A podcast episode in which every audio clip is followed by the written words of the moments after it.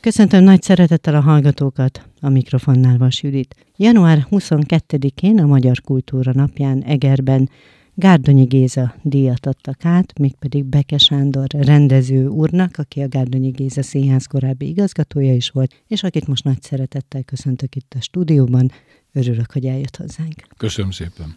És gratulálok utólag a díjhoz. Köszönöm szépen.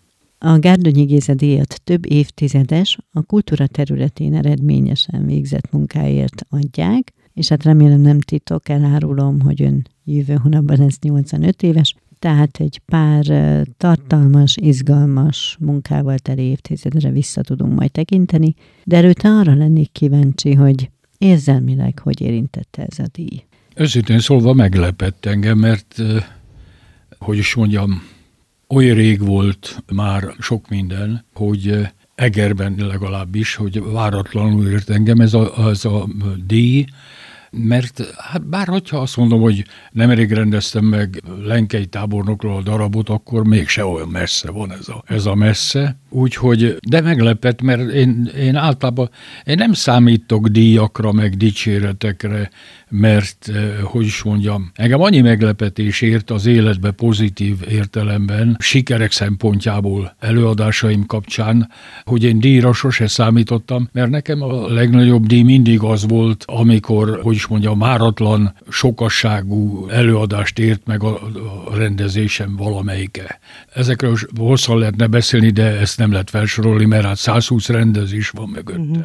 Igen, csak az ugye a, többnyire a közönségnek a reakciója, a közönségnek a visszajelzése. Itt viszont végül is a város ismerte el, tehát az a város, ahol ön azért jelentős időt töltött, és itt is számos jelentős alkotás született. Tehát ez talán azért is különlegesebb egy ilyen díj, mert a közönség visszacsatolás, vagy azok a díjak jönnek ugye az évek alatt, és itt pedig még kap ön valami plusz visszacsatolást, tehát ugye kettő együtt lehet teljes, nem? Hogy is mondjam, nem akarok rossz indulatú lenni magammal szemben, meg senkivel szemben se, de azt mondom, hogy 1900, de hogy 2000-ben újítottam fel az Egri Gárdonyi Géza színházat. Hogyha ezt 2001-be, 2002-be, 2003-ba kapom meg ezt a díjat, akkor én úgy éreztem volna, hogy egy nagyot alkottam, és azért valami díjat kapok. De most ez oly messze van már, 23 évvel ezelőtt történt, hogy én tényleg nem vártam ezt a díjat. Mm nem vártam.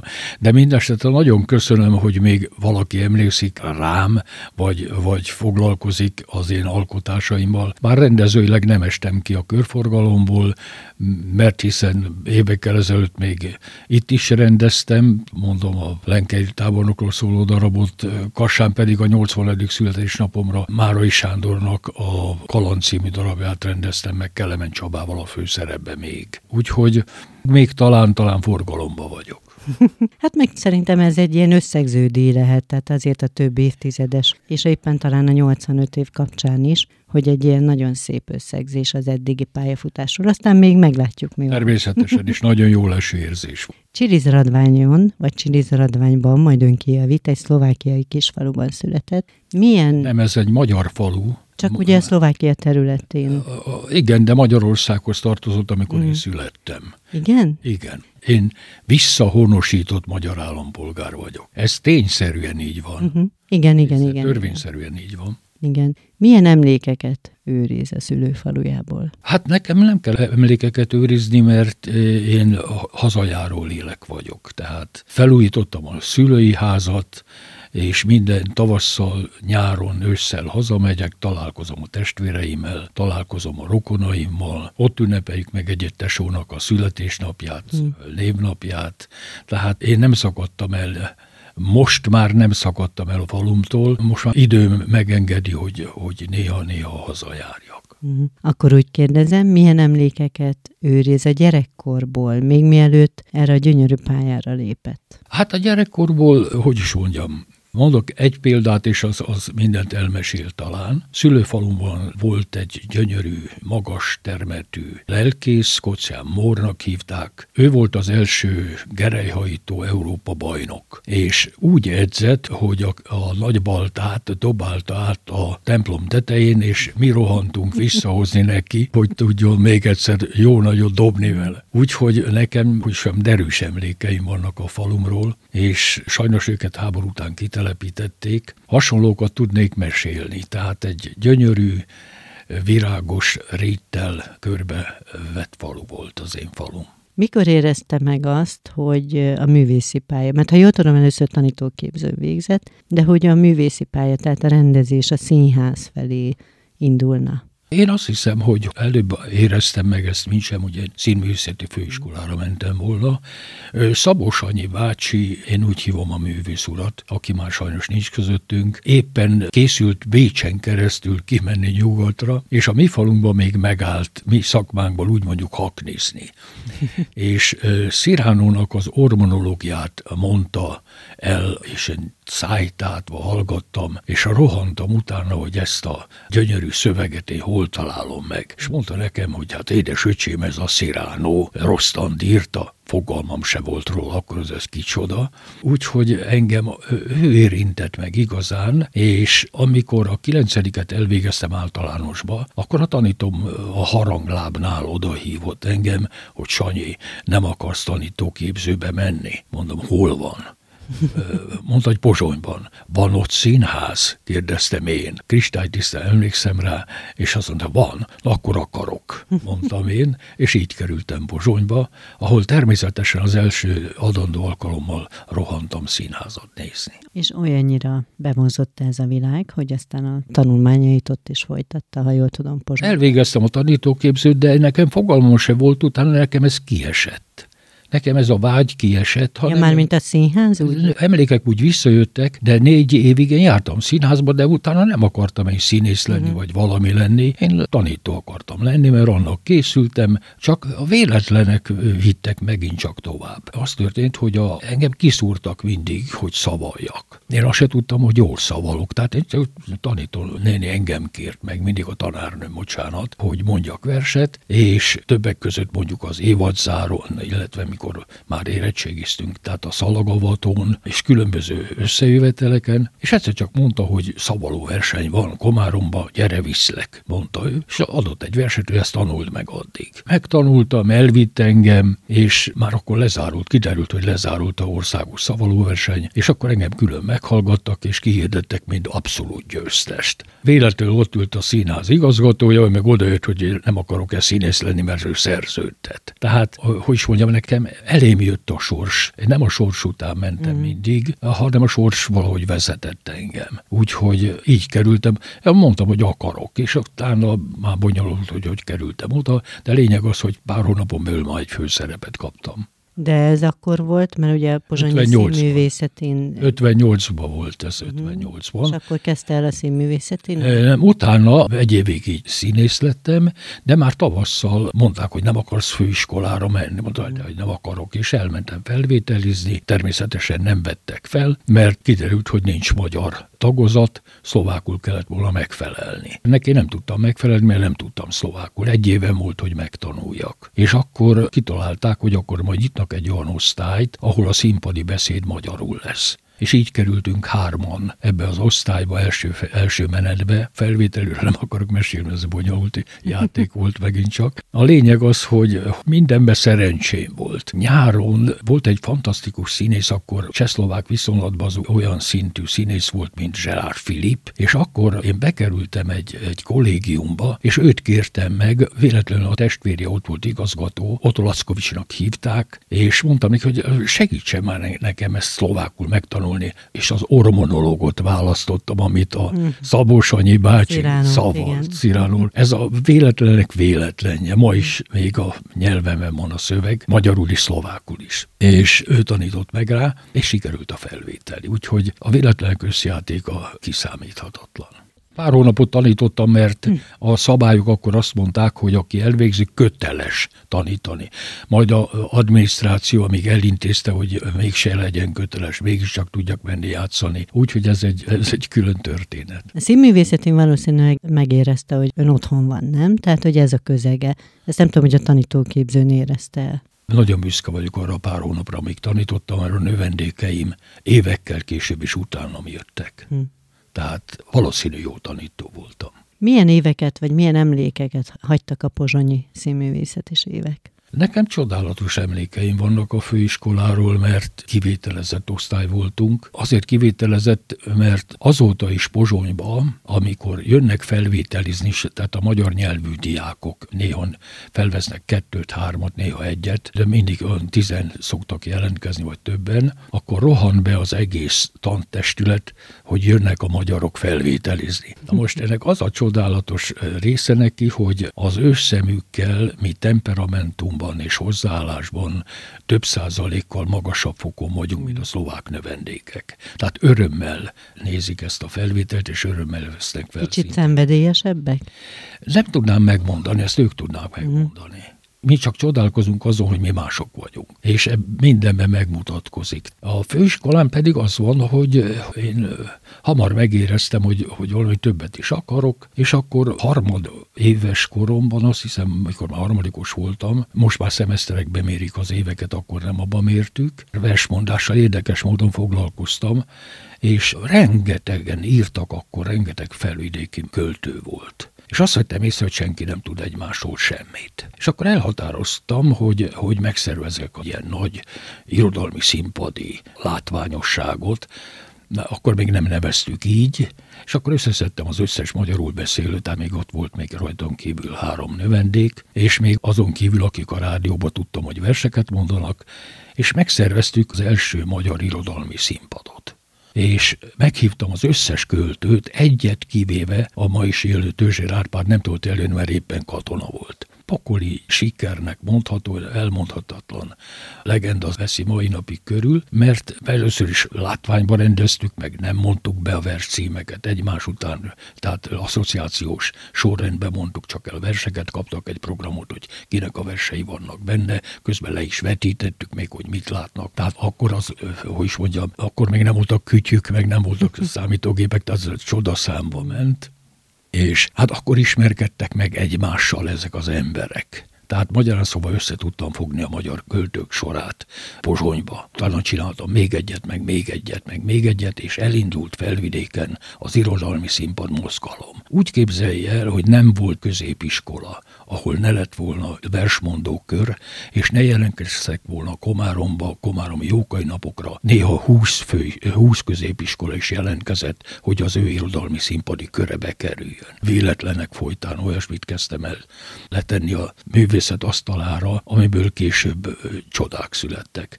Hozzá kell tennem, hogy a mai napig a felvidéki középiskolások mondanak a legjobban verset. Hmm. Ez akkor egy ilyen korszakalkotó, hiánypótló kezdeményezés volt, amit ön megálmodott és elindított?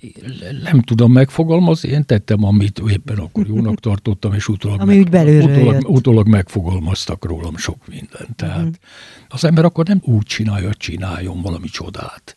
Éreztem, hogy valami többet kell csinálnom, és így derült ki, hogy rendező akarok lenni. Osztályvezető tanáromnak mondtam, hogy tanár úr, én rendező szeretnék lenni, mit, hogy tudom ezt elérni, vagy mit, hova kell mennem tanulni, vagy mit uh-huh. kell csinálni mert ha elvégzem a főiskolát, akkor még egyszer felvételizek Pozsonyba. És akkor Prágában nyílt posztgraduális osztály rendezőknek csak ott valami balhé volt a politikában, és betiltottak mindenféle posztgraduális képzést. Még a tanár úr kedvére azért elmondom, hogy azt mondta, hogy Sándor, ha ezt megcsinálod, nagy szolgálatot teszel a művészetnek. És akkor riadtan rohantam hozzá, és kérdeztem tőle, hogy tanár úr most mi legyen. Nem tudott tanácsot adni, és akkor jött az az ötlet, hogy, hogy külföldre próbálkozzak. Bementem a minisztérium, érdeklődtem, hogy hol van, hát mondták, hogy van Svédországban, Leningrádba is Budapesten erre lehetőség. Oda voltak ösztöndíjak kiírva. és akkor meg kellett pályázni. Megpályáztam az ösztönért, mondtam, én Budapestre szeretnék menni, és meg is kaptam hónapokon belül a lehetőséget, és így átkerültem Budapestre. Főiskolára szerencsém volt, mert akkor indult egy rendezőosztály, majd egy év után megpályáztam ösztöndíjam meghosszabbítását, mert egy éveset kaptam egyelőre csak, és akkor, hogy is mondjam, beszámították a pozsonyi tantárgyakat, amiket ott elvégeztem, és én jókedvűen csak néhány tantárgyat kellett hozzá felvennem. Úgymond a rendezést, művészettörténetet, meg, meg egy-két dolgot nem kellett vívást, meg ilyesmit már felvenni. Mhm. meg beszédtechnikát vettem fel, és akkor így elvégeztem Budapesten a színműz, a rendezői szakot. Nyilván a terület egy kicsit más, hiszen az egyik főiskolán színészként, a másik színház rendezőként végzett, de mégis hogy érzi így utólag, vagy akár akkor hogy tapasztalta, hogy mi volt a különbség a két intézmény oktatási módszere, szemlélete között? Nehéz kérdés. Azért nehéz kérdés, mert a Pozsonyi főiskolán, ha jól tudom, 54 vagy 58 óra volt hetente. Tehát mi reggel 8-tól este hatig, hétig bent voltunk állandóan a főiskolán. Magyarországon ez a túlterheltség nem volt. Uh-huh. Tehát pláne nekem egyszerű volt, mert még ritkított tantárgyakra kellett járnom, tehát nekem bőven volt időm színházba járni. És hát szárnyakat kaptam, mert egyik rendezőtől mentem másikhoz asszisztálni. Tehát én asszisztáltam Várkonyi Zoltánnál, hagyj ne soroljam fel, hmm. Bolyán Stupicánál, aki vendégrendezett a Nemzetibe, a Vámos Lászlónál, Ádám Ottónál, tehát én a legjobbaknál volt lehetőségem asszisztálni, mint főiskolásnak oda, be beosszák, kiosszák, vagy leosszák színházakhoz. Úgyhogy ilyen szempontból nekem nehéz megítélni a, a kérdésben rejlő kérdést. Uh-huh. Mert én azt hiszem, hogy a Pozsonyi főiskola az egy nagyon jó főiskola volt, a budapesti meg még jobb. Tehát az úgy, hogy hadd dicsérem mind a kettőt, mert nekem mind a kettő a szívem csücskében van. És aztán történt valami 30 éves korában, tehát még mindig nagyon fiatalok vagyunk, így gondolatban, tehát történt valami 30 éves korában, vagyis hát 1969-ben, miért érezte fontosnak, hogy Kassán színházat alapítson? Erre ugyanúgy nem tudok válaszolni, mint az első kérdésre. Tehát én... Ez is belülről jött, egy ilyen belső késztetés, igény, Én azt, vágy. azt éreztem, nem valami narcisztikus hajlam volt ez, hanem azt éreztem, hogy nem tudom megvalósítani magam abban a közegbe, ahová én visszaszerződtem. Tehát arról van szó, hogy én maradhattam volna Magyarországon is rendezőnek, de a becsület arra kötelezett engem, hogy ha önat kaptam az ösztöndíjat, akkor menjek vissza. Ráadásul az történt, hogy a diploma rendezésem és a főiskolai vizsgarendezésem engem még beröpített. De ez mit jelent? Égbe röpített. Tehát az azt jelenti, hogy, hogy mondjuk a főiskolai rendezésem O'Neill Jones császárja volt. Na most úgy képzelje el, hogy Gonc Gáborral és Mollár Pubival, meg Csurka Lacival a főszerepben, hogy ne soroljam meg a lányok, kik voltak benne, meg az egész Vasas táncegyüttes, meg Budapest legjobb lobosai, meg Budapest legjobb táncosai csinálták nekem a produkciót, mert éppen azt találtam ki magamnak, és nekem azt a kegyet megadta a főiskola, hogy negyedéves vizsgarendezésem egy nagy, egy felvonásos legyen. És ez O'Neillnak egy legjobb expressionista darabja. És és már nem is voltam Budapesten akkor, és valahol egy francia mecénás éppen bolyongott Magyarországon, és betévett a főiskolára is, és az összes magyar produkció közül engem választott ki. Na most külön történet, hogy milyen balhé volt körülötte, hogy éppen megy, nem megy, miért nem mehet, miért mehet. Három hónap, húza volna végül is a minisztérium nem engedte ki. Hadd ne mondjam, hogy miért, mert sértő lenne. Uh-huh. Na most diplomarendezést kellett mindenkinek produkálni, mindenkit leosztottak egy-egy színházhoz, hát én természetesen Komáromba kerültem, és én a Rómeos Júliát választottam, mert a kolléganőm Tiring Viola akkor menő csillag volt, Galán Géza is szintén nagyon menő színész volt, ő már szintén meghalt sajnos. Egy egész autóbusztanár jött le Komáromba Budapestről, meg kollégák megnézni az előadást. Na most hát ilyen kegy nekem nem adott, senkinek se adatott meg, akkor így mondom még abban a korban. Hát akkor a banket volt, hogy egy egész, mit mondjak én, a szálloda tele volt a vendégeimmel.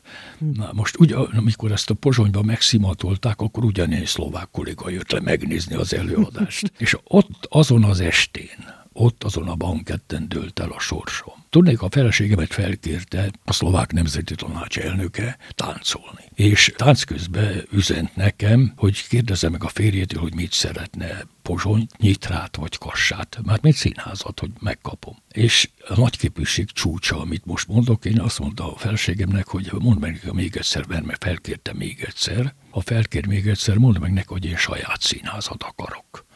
Tehát a, a, a siker mámorában én elhatároztam. De mai napig megvan az a szerződésem, amit már a kassáról lehoztak nekem akkor, hogy szerződjek oda például és itt a kassát itt ültették el a fülembe. Ott feltételeket szabtam, hogy rendben van kassa akkor, hogyha egy önálló társulat, magyar társulat lesz a szlovákon belül.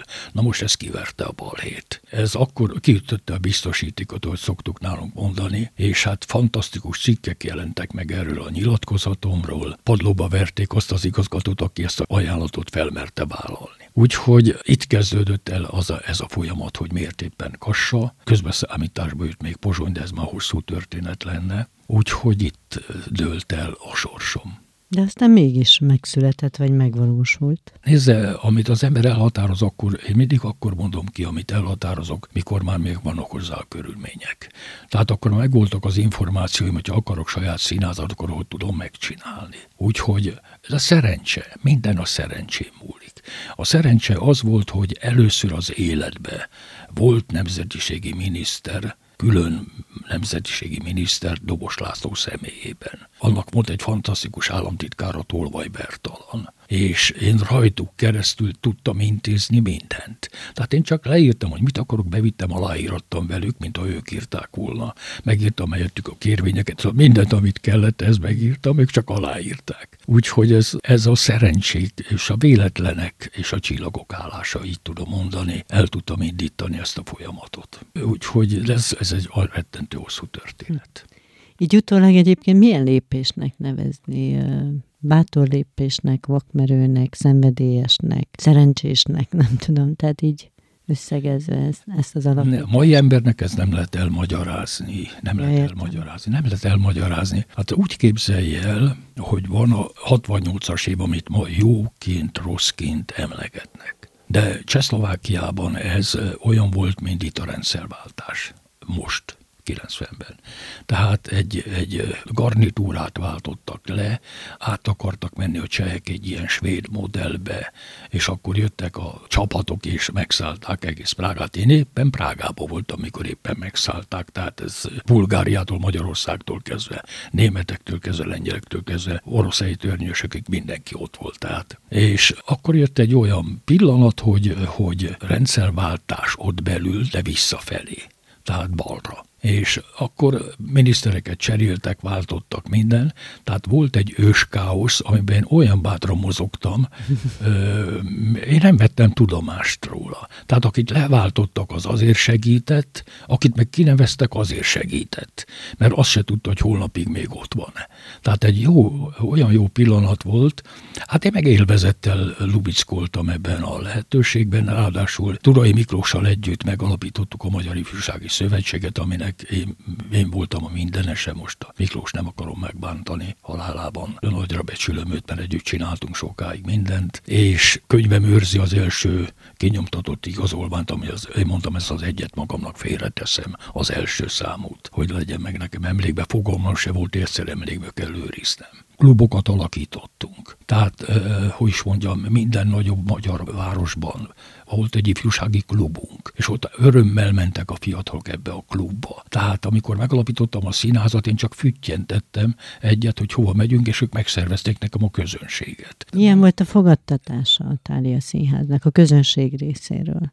Hogy egy metaforával inkább válaszolok magának mert ez a maga kérdésére nem tudok válaszolni, mert szentimentális lenne. De Kassán is majd, hogy, hogy lett a Kassa Itália, meg minden, ez egy hosszú történet lenne. Lényeg az, hogy sikerült megszervezni, és mikor már Kassán voltunk, akkor én az Andrási fasoron nem tudtam úgy bemenni délőtt a próbára, hogy a plébános úrnak előre köszönjek. De egyébként szentimentálisak is lehetünk nyugodtan, tehát ez Szentimentálisan is vissza tudunk emlékezni. Nézze, azért nem tudunk rá válaszolni, mert évek sorozata van nekem Kassában, tehát mikor már itt nem voltam igazgató 2001, 2003 után, visszamentem még megint művészeti vezetőnek, tehát ott sokszor besegítettem abba, hogy ismét lendületet kapjon a színház. Úgyhogy elmesélhetetlen, mert ha én azt mondom, hogy én csak egy példát mondok magának, hogy az első évadban két úr szolgáját rendeztem, az volt a nyitó darab, mert vígjátékkal akartam kezdeni, mert hogy is mondjam, ez metaforikusan is igazolt, hogy két úr szolgája voltam, sőt több úr szolgája. 77-szer játszottuk. Na most ahhoz azt kell tudni, és hát a mai néző végképp felfogni sem is képtelen, hogy a háború előtt megszüntették ott a magyar nyelvű színházat Kassán, és ez 30 évnek kell teltelni, hogy Beke Sándor ismét ott ö, magyar nyelvű színházat csináljon.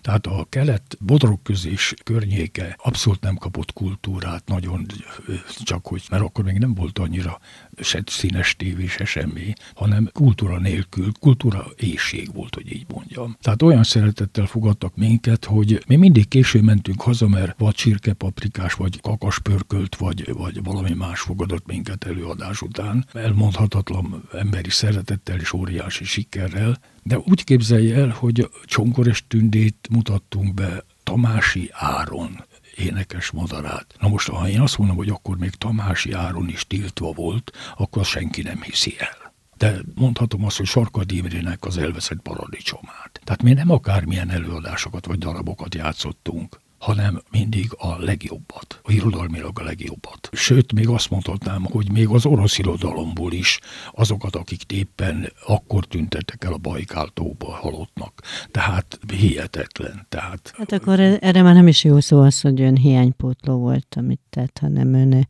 egy olyan érzelmileg és kulturális értelemben adott valamit ott adott élőknek, ami ami talán nem is hasonlítható tényleg semmihez, vagy, vagy a mai fiatalok, vagy egyáltalán a ma embere fel sem tudja igazán fogni. Nem, nem, azért, azért nem, majdnem nem merek róla beszélni, de most éppen olyan pillanatban fogott el, hogy akarok. Tehát, de úgy képzelje el, ezt csináltam végig, hat évig, majd utána Szakonyinak az adáshibája volt az utolsó rendezésem, amit ott Kassán rendeztem, és akkor már annyira átfordult a politikai bugyor, hogy így fogalmazzak, annyira balra tolódott minden, hogy én ebben a levegőben már nem tudtam létezni. És akkor megfogyatkozott körülöttem a levegő. levegő igen. Igen. 76-ban akkor, így, legalábbis így olvastam, hogy politikai okokból kellett Végülis jött ide át hozzánk. Hát igen, mert hát De ez, ez egyik, nagyon egyik finom barátomat betiltották, én is a betiltottak listájára kerültem uh-huh. volna. Majd összevesztek a miniszterek rajtam, ez egy hosszú bonyolult. Uh-huh. És akkor azt mondtam, hogy na én, és tiltakozásom elül elhagytam az ország. És meddig? Azonnal. Mert mint hogy meddig hagyta el, mikor ment haza legközelebb, vagy vissza? Most nagyon rosszat kérdezett, mhm. mert pontosan az évre nem emlékszem, de a rendszerváltás pillanatában egyszer visszakerültem valami delegáció folytán. Tehát az volt a legközelebbi, amikor... Az tíz év múlva körülbelül. Uh-huh. Nem voltam kívánatos személy. Hát nézze, a többiek nyugatra mentek. De szerencsém volt, mert Miskolcon megint csak azt tudom mondani, hogy, hogy csillagok állása megint csak égbe röpített. Igen, a Miskolci Színház, Miskolci mint rendezőként és ott négy olyan rendezése volt, amire hát még Hegedűs Géza bácsi tanár úr is lehet, aki soha nem ült még vonatra. Tehát mm. ő is lehet megnézni az előadást. Ott megint csak jó pillanatom volt, mert akkor Magyarországon a, a úgynevezett koszos színház volt a divat meg a szürke színház. Tehát szószós értem, ahogy mondom. Tehát az volt a hirtelen divat, ez ők neorealizmusnak hívták, de úgy képzelje el, hogy csak szürke díszletek, meg mindenféle. Tehát én meg azt mondtam, na én ezt nem, és az ellenkező irányba én indultam, meg a legszebb színházat akartam megcsinálni. Ott Miskolcon. Miskolcon. És ez bejött. Tehát olyannyira, hogy felkínálták utána nekem egy kecskeméti főrendezést azonnal. Ott is úgy volt, hogy uszodában voltam éppen, és akkor kaptam egy telefont, hogy menjek fel Pestre. Azt hittem, hogy meg akarnak dicsérni valamiért, és mondták, hogy mi történt, hogy, hogy elvállalom a kecskemétet, és akkor mondtam, hogy ha családommal együtt áttelepítenek, akkor igen. Nem is gondolkodott, hogy Miskolcon marad? Hát ezt elrontottam.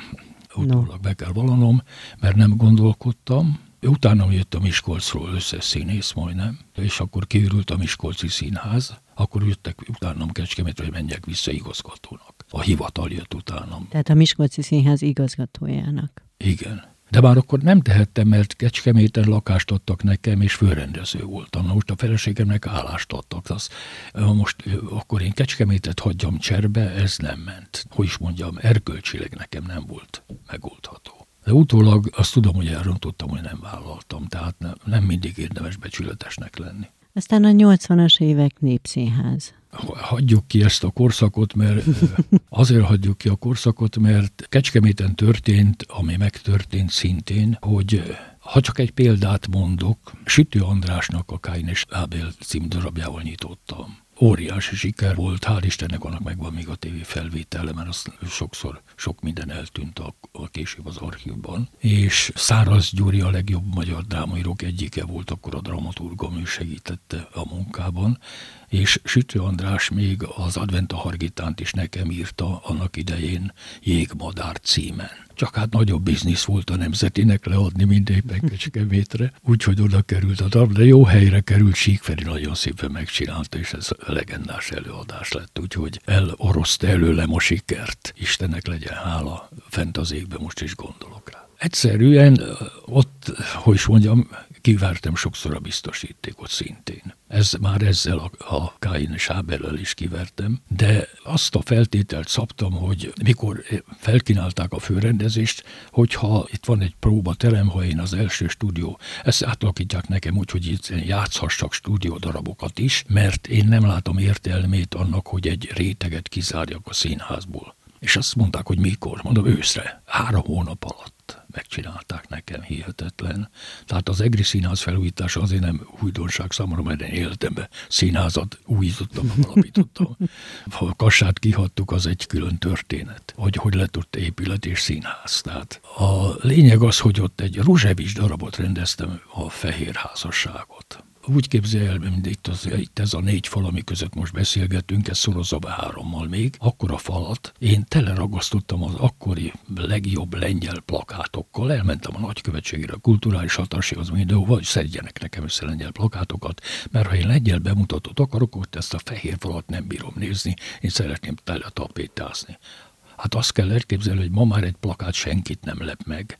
De akkor olyan fantasztikus lengyel plakátok voltak, és olyan magasra ívelt a lengyel színház, hogy mi csodálni jártunk színházakat. Tehát ha én azt mondom, hogy most ugrok vissza egy picit, Sámbeki Gábort meghívtam Kassára rendezni, akkor én reggel elvittem őt Prágába, hogy megnézzünk egy Krejcsa rendezést, és este, bocsánat, este, és este visszajöttünk előadás után, vagy másnap reggel az már mindegy, csak lényeg az, hogy egy próba közben elmentünk. Hát hol van ma egy rendező, aki repülőgépre ül, és elmegy valahova előadást nézni? Sehol. Még határon belül sem nagyon modern. Sehol, sehol. Igen. De még az utca másik oldalára se akar mm. átvenni. De ezek a korszakok nem csak a maguk idejébe igazak. Kitapítáztam az összes falat lengyel plakáttal, csak én nem tudtam, hogy Lengyelországban már balhé van politikai balhé. Így fókuszba kerültem ö, akaratom ellenére is. Én, én nem foglalkoztam így a politikával direktben, engem az az érdekelt, hogy dög jó plakátok van. Úgyhogy három és fél évig ment a darab, 120-szor játszottuk, és minden egyes előadáson 20 néző még állt is. És közben, mikor már másodikban játszottuk, akkor kiderült, hogy a tévében Jaruzelski kiált Kozarusevicset hogy ő az ország megrontója. Na most kellett ez nekem. Úgyhogy na most akkor a Kecskeméti Párbizottság nem tudott mit kezdeni, se velem, se Ruzsevicsel. Úgyhogy így kerültem én a Népszínházhoz, a Káder temető. Na most ott is ki tudtam törni a karámból, de most megint csak egy példát mondok, most maradjunk a lengyeleknél. Mm. Rozseknek a Mészárszék című darabját rendeztem meg, aki letiltotta Magyarországon az összes előadását. És akkor a Vinkó Jóskát kértem meg, hogy hívvál meg nekem ezt a brozseket, talán nagyon tetszik, és engem a stúdióra ítéltek, a stúdió ítélt a sors, én meg ott a nevickéltem. Úgyhogy bemutattam, Jött le egy Belgrádból repült át Varsóba egy lengyel delegáció, és megálltak Budapesten, repülőgép megállt, a kultúrás delegáció, jöttek az előadást megnézni, és engem kineveztek a lengyel kultúr nagykövetének. Bocsánat, annyi kaland, annyi élmény, annyi munkaöröm, siker érte önt, hogy csak így kapkodom a fejem. De most még tovább ragozom ezt. A cseh betiltott darabok, meg a szlovák betiltott darabokat éppen egy topolt rendeztem a rendszerváltás pillanatában. Akkor már a József Attila színházba alapította meg a második stúdió színházat. Ott kaptam egy pincét, és abban csináltam egy előadást, és éppen Macska Sineken egy nagyszerű darab. Rendeztem, és akkor 90-ben hívtak kassára, hogy, hogy menjek, mert hogy segítsek nekik. A rendszerváltás pillanatából 24 órán belül leváltottuk az összes veszetőt, aki ott volt. Nem Kassán. Kassán, és hívtak vissza. Mhm, tehát ez már a rendszerváltás, a rendszerváltás éveiben, 89 hogy, hogy nem csak a kalandokba uh-huh. ugrok most, Igen. Hogy, hogy, hogy az is egy kalandos pillanat volt. Topol barátom, hogy úgy mondjam, legpadlóba vertebb szerző volt Prágában. De önnek ez egy újabb kaland. Még tovább mondom, akkor Feldek, aki épp a barikádon állt a 90-es években Pozsonyban, az ő darabját is én rendeztem meg először épp abban a pillanatban Magyarországon, a Népszínházban. Tehát Asbot utcai kis színpadon, úgy mondom. Mi hajtotta önt a darabok kiválasztásakor? Most így, így végignézve ezeket, vagy a szerzők és szerzők és darabok kiválasztásakor? Azt látom, hogy fityet hányt idéző ebbe a korra, vagy hogy a kor mit követelne, vagy a politika mit követelne. Én nem tudtam magamról egy dolgot. Azt hiszem 75. nem, 80. évfordulóra csináltak egy, egy ilyen kiállítást Komáromba, és a Sóki Laci barátom, aki már meghalt, meglepetésemre írta panelre egy szöveget, hogy Beke Sándort úgy bánt a politikusokkal, mint a bábszínházban az igazgató a bábukkal. Most én ezt nem tudtam magamról igen fittyet hánytam a politikára. De én nem tudtam, hogy fittyet hányok a politikára. Én, nekem, ha megtetszett egy darab, akkor megtaláltam azt a rést, azt a, hogy is mondjam, csigalépcsőt, ami éppen felmászhatok odáig, hogy be tudjam mutatni. Uh-huh. És a másik az, hogy, hogy Hát onnét kezdve, vagy vérig sértettek engem, hogy el kellett hagynom kassát, onnét kezdve én a politikával rosszba voltam. Nem volt önben egy ilyen direkt, csak azért is? Nem. Nem, egy ilyen direkt ellenállás nem. Nem, nem, nem, nem, nem. Uh-huh. nem. Ilyen, ilyen érzéseim nekem nem voltak. Uh-huh. Hogy is mondjam, én csak a hülye emberektől rosszul voltam. Ez ma is így van még? így van. 68-as évek után a szószoros értelme leghülyebb embereket neveztek ki mindenhová. Tehát összes újságírót leváltották. Ezt nem akarom még mondani, ez borzasztó volt. De ezzel mindent elmondtam, úgyhogy nem akarom ragozni.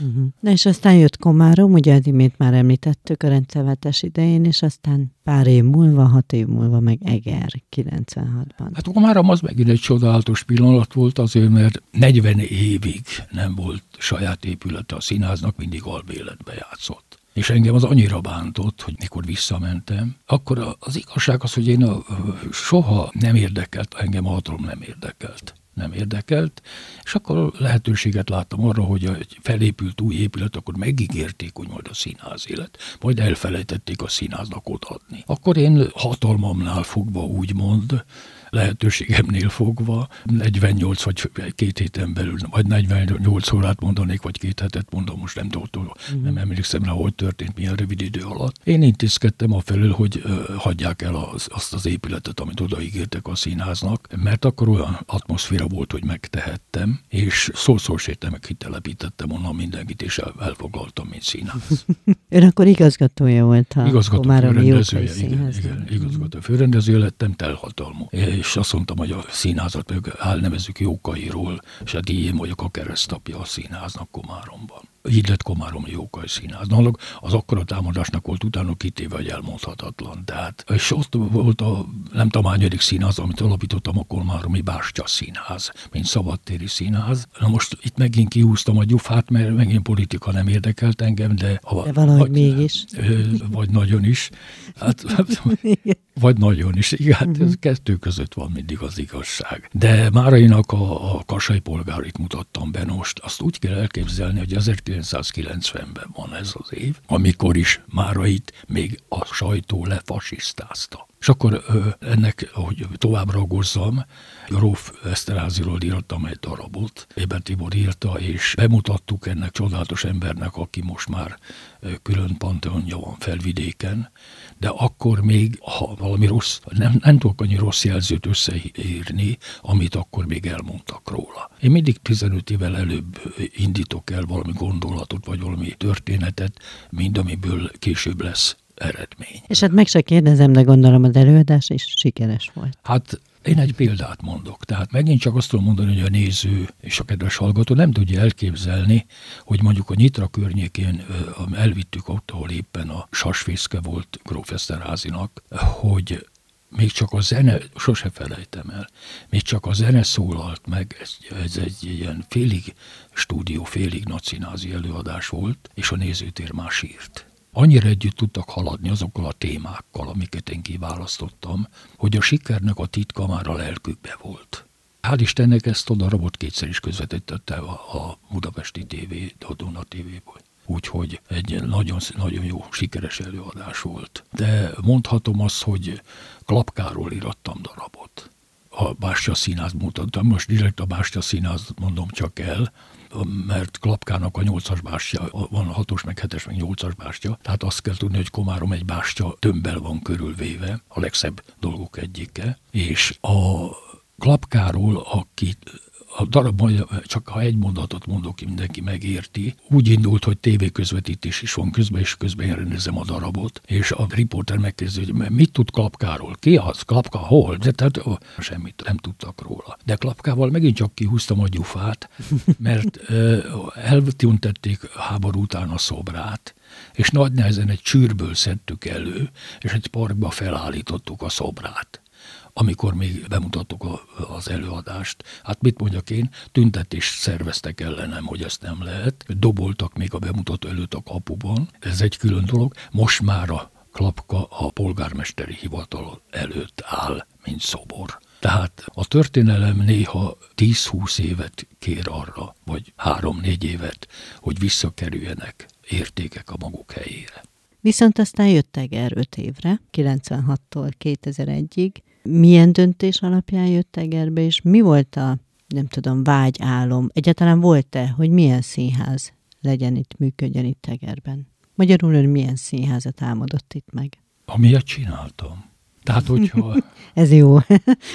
Ez jó válasz. Itt is megcsináltam mindent, amit akartam. Tehát ha azt tudom mondani, hogy, hogy ezt a vonulatot tovább vigyem, hogy az utolsó rendezésem itt a Lenkei tábornokról szólt. És most hadd ne dicsekedjek már azzal, hogy annak a gondolatnak a hátterébe szerint személyen meghúzódik, hogy most felújítják a lenkei házat, abban mélységesen benne vagyok. Minden nap elmegyek mellettem, ott ők a piacra.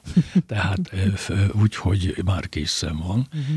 Nagyon büszke vagyok rá, és hát nézze, ha visszagondolunk, akkor két dologban első bemutatkozásom itt Illés Lajosnak a Cantus Hungaricus volt, amit Nagyferó, Szórák Kati, meg hadd ne soroljam a többieket, énekeltek, és ma már, ma már nem kevesen tudják, hogy mi ez, de a legszebb művek egyike, ami se nem el egy zenei oratórium, hogy így mondjam. A másik pedig az, hogy összefogtam Kassát, Komáromot, Egert, és bemutattam Ratkó Józsefnek Segítsd a király című darabját, István királyról szól, amikor éppen Imre herceget megölték.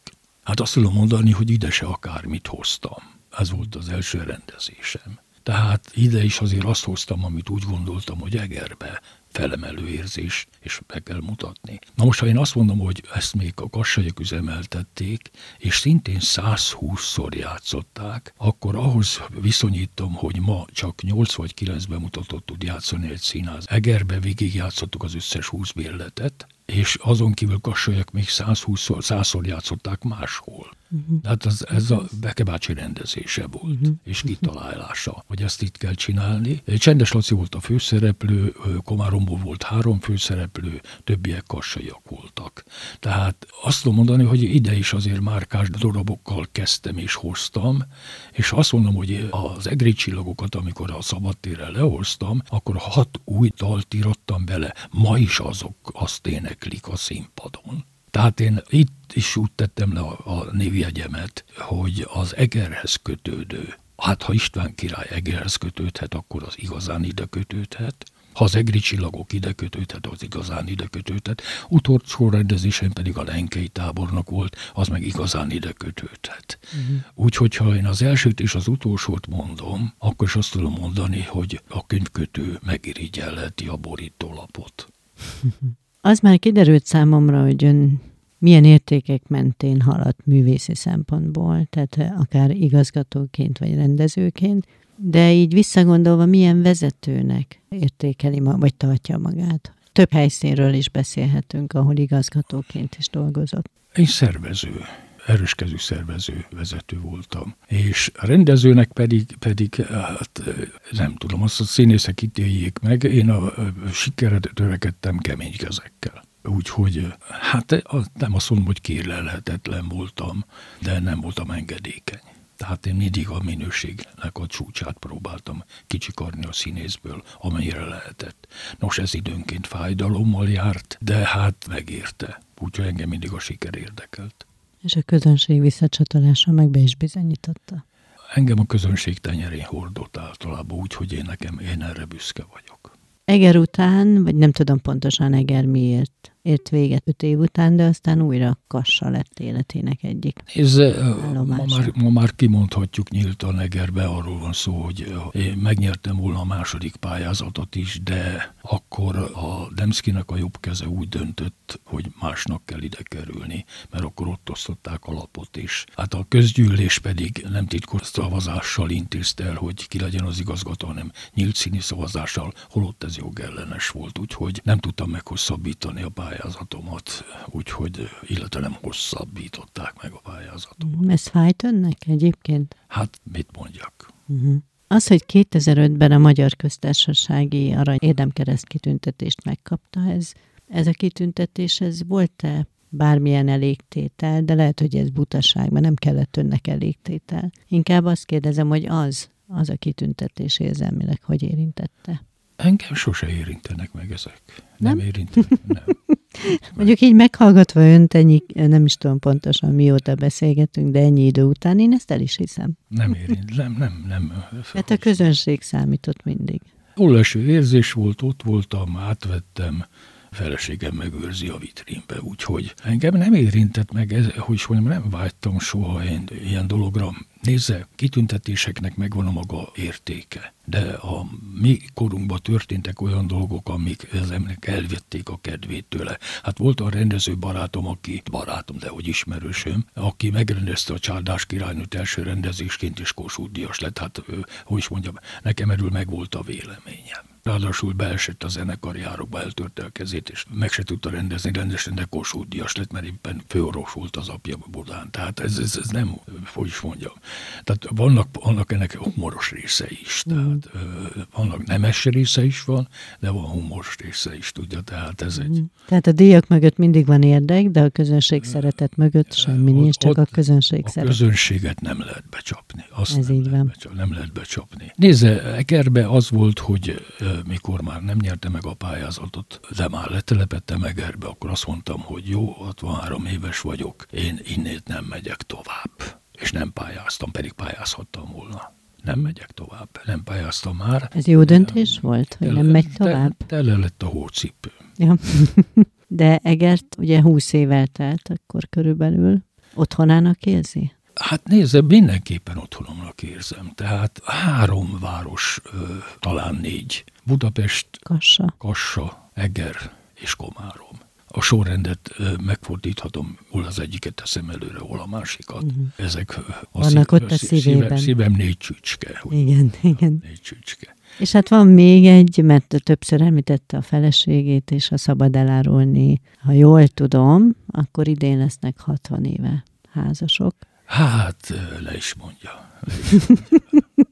ha csak egy mondatban, nem kell most értékelnünk a 60 évet, de ha egy mondatban csak annyit kellene megfogalmazni, hogy mit jelent ez a 60 év önnek, tehát ez az összetartozás, ez az együttlét, vagy mit jelent ő, akkor ebben az egy mondatban hogy lehetne összefoglalni? Nekem mindig ő volt a legfontosabb. Tehát amikor Tóth Dezső miniszterhelyettes úr felhívott engem Pesten, mert el, botrányos körülmények között én eladtam Kecskemétet akkor, és kicseréltem a lakásunkat Budapestre, akkor azt kérdezte tőlem, Sanyi, mit akar színházat, vagy, vagy a lakást, vagy mit szem, a lakás már van. Miniszterhelyettes úr, én azt kérem, hogy a feleségemnek állást, mert ha neki állása van, akkor nekem nyugtom van. Úgyhogy ö, szereztek neki állást, és Pesten tanított az eltén hosszú ideig, egész nyugdíjas koráig. De jól tudom, a gyerekek nem vitték tovább a művészi pályát. Hát az én hibám is az én hibám is. A, Mert? mert idősebb fiam, aki most a nőgyógyász az egyes klinikán és a genetikai osztálynak a vezetője, nagyon büszke vagyok rá, Artur fiamra. Ő filmrendező akart lenni, és én erről lebeszéltem. És azt kell megérteni, hogy abban a korban éppen 90 nem tudom hány rendezőt bocsátottak el a tévétől, mert akkor volt átszervezés. Mondom, fiam, nincs hátterem nincs nagybácsim, aki segíteni tudna neked. Ne legyél. És így került orvosira. Uh-huh. És Zsolt? Zsolt éppen most kapja meg a második diplomáját Pécset a mérnöki. Most február 10-én.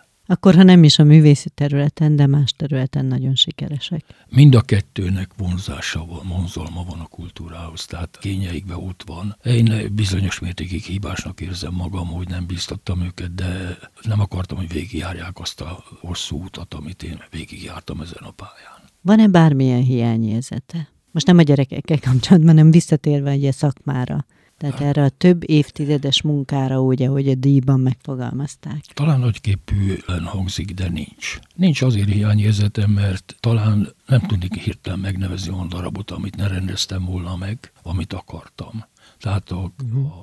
a visszás körülmények között is, hogy mindig máshol kellett dolgoznom, hogy több városból is kellett dolgoznom, azért a szerencse nem hagyott cserbe. És mivel tölti ma a mindennapjait? Hát még mindig azzal töltöm a napjaimat, hogy próbálok becsergezni darabokat színházakba. Most éppen felvidéki szerzővel is foglalkozom, hogy gondolatba segíteni akarok neki, hogy sínre tegyek egy darabját, neki Csákipálnak egy, egy, egy-két darabját. Sőt, még itt Egerbe is próbálkozom olyan ötletekkel, amit nagyon jó lenne megvalósítani, például Pródi Sándorról, Gárdonyi Gézáról és Dankó Pistáról szeretnék egy darabot iratni. Olyan élethátterük volt, amit senki nem tud egerbe, hogy úgy bocsánatom, megsértettem valakit. Mm. Senki nem tud egerbe, hogy két legjobb barát volt hosszú ideig, és utána, amikor politika közbe szólt, amikor Bródi Sándor épp a kumbéláik oldalára állt, Gárdonyi meg a nemzeti oldalra, akkor úgy összevesztek, hogy a falatta a másikat.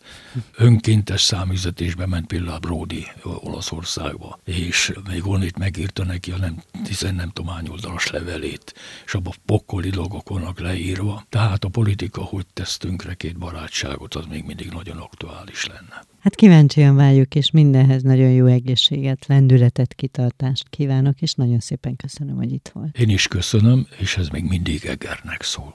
Igen. Kedves hallgatóink, önöknek pedig a figyelmet köszönjük, önök Beke Sándort és Vas Juditot hallották. Tartsanak velünk máskor is, viszont hallásra.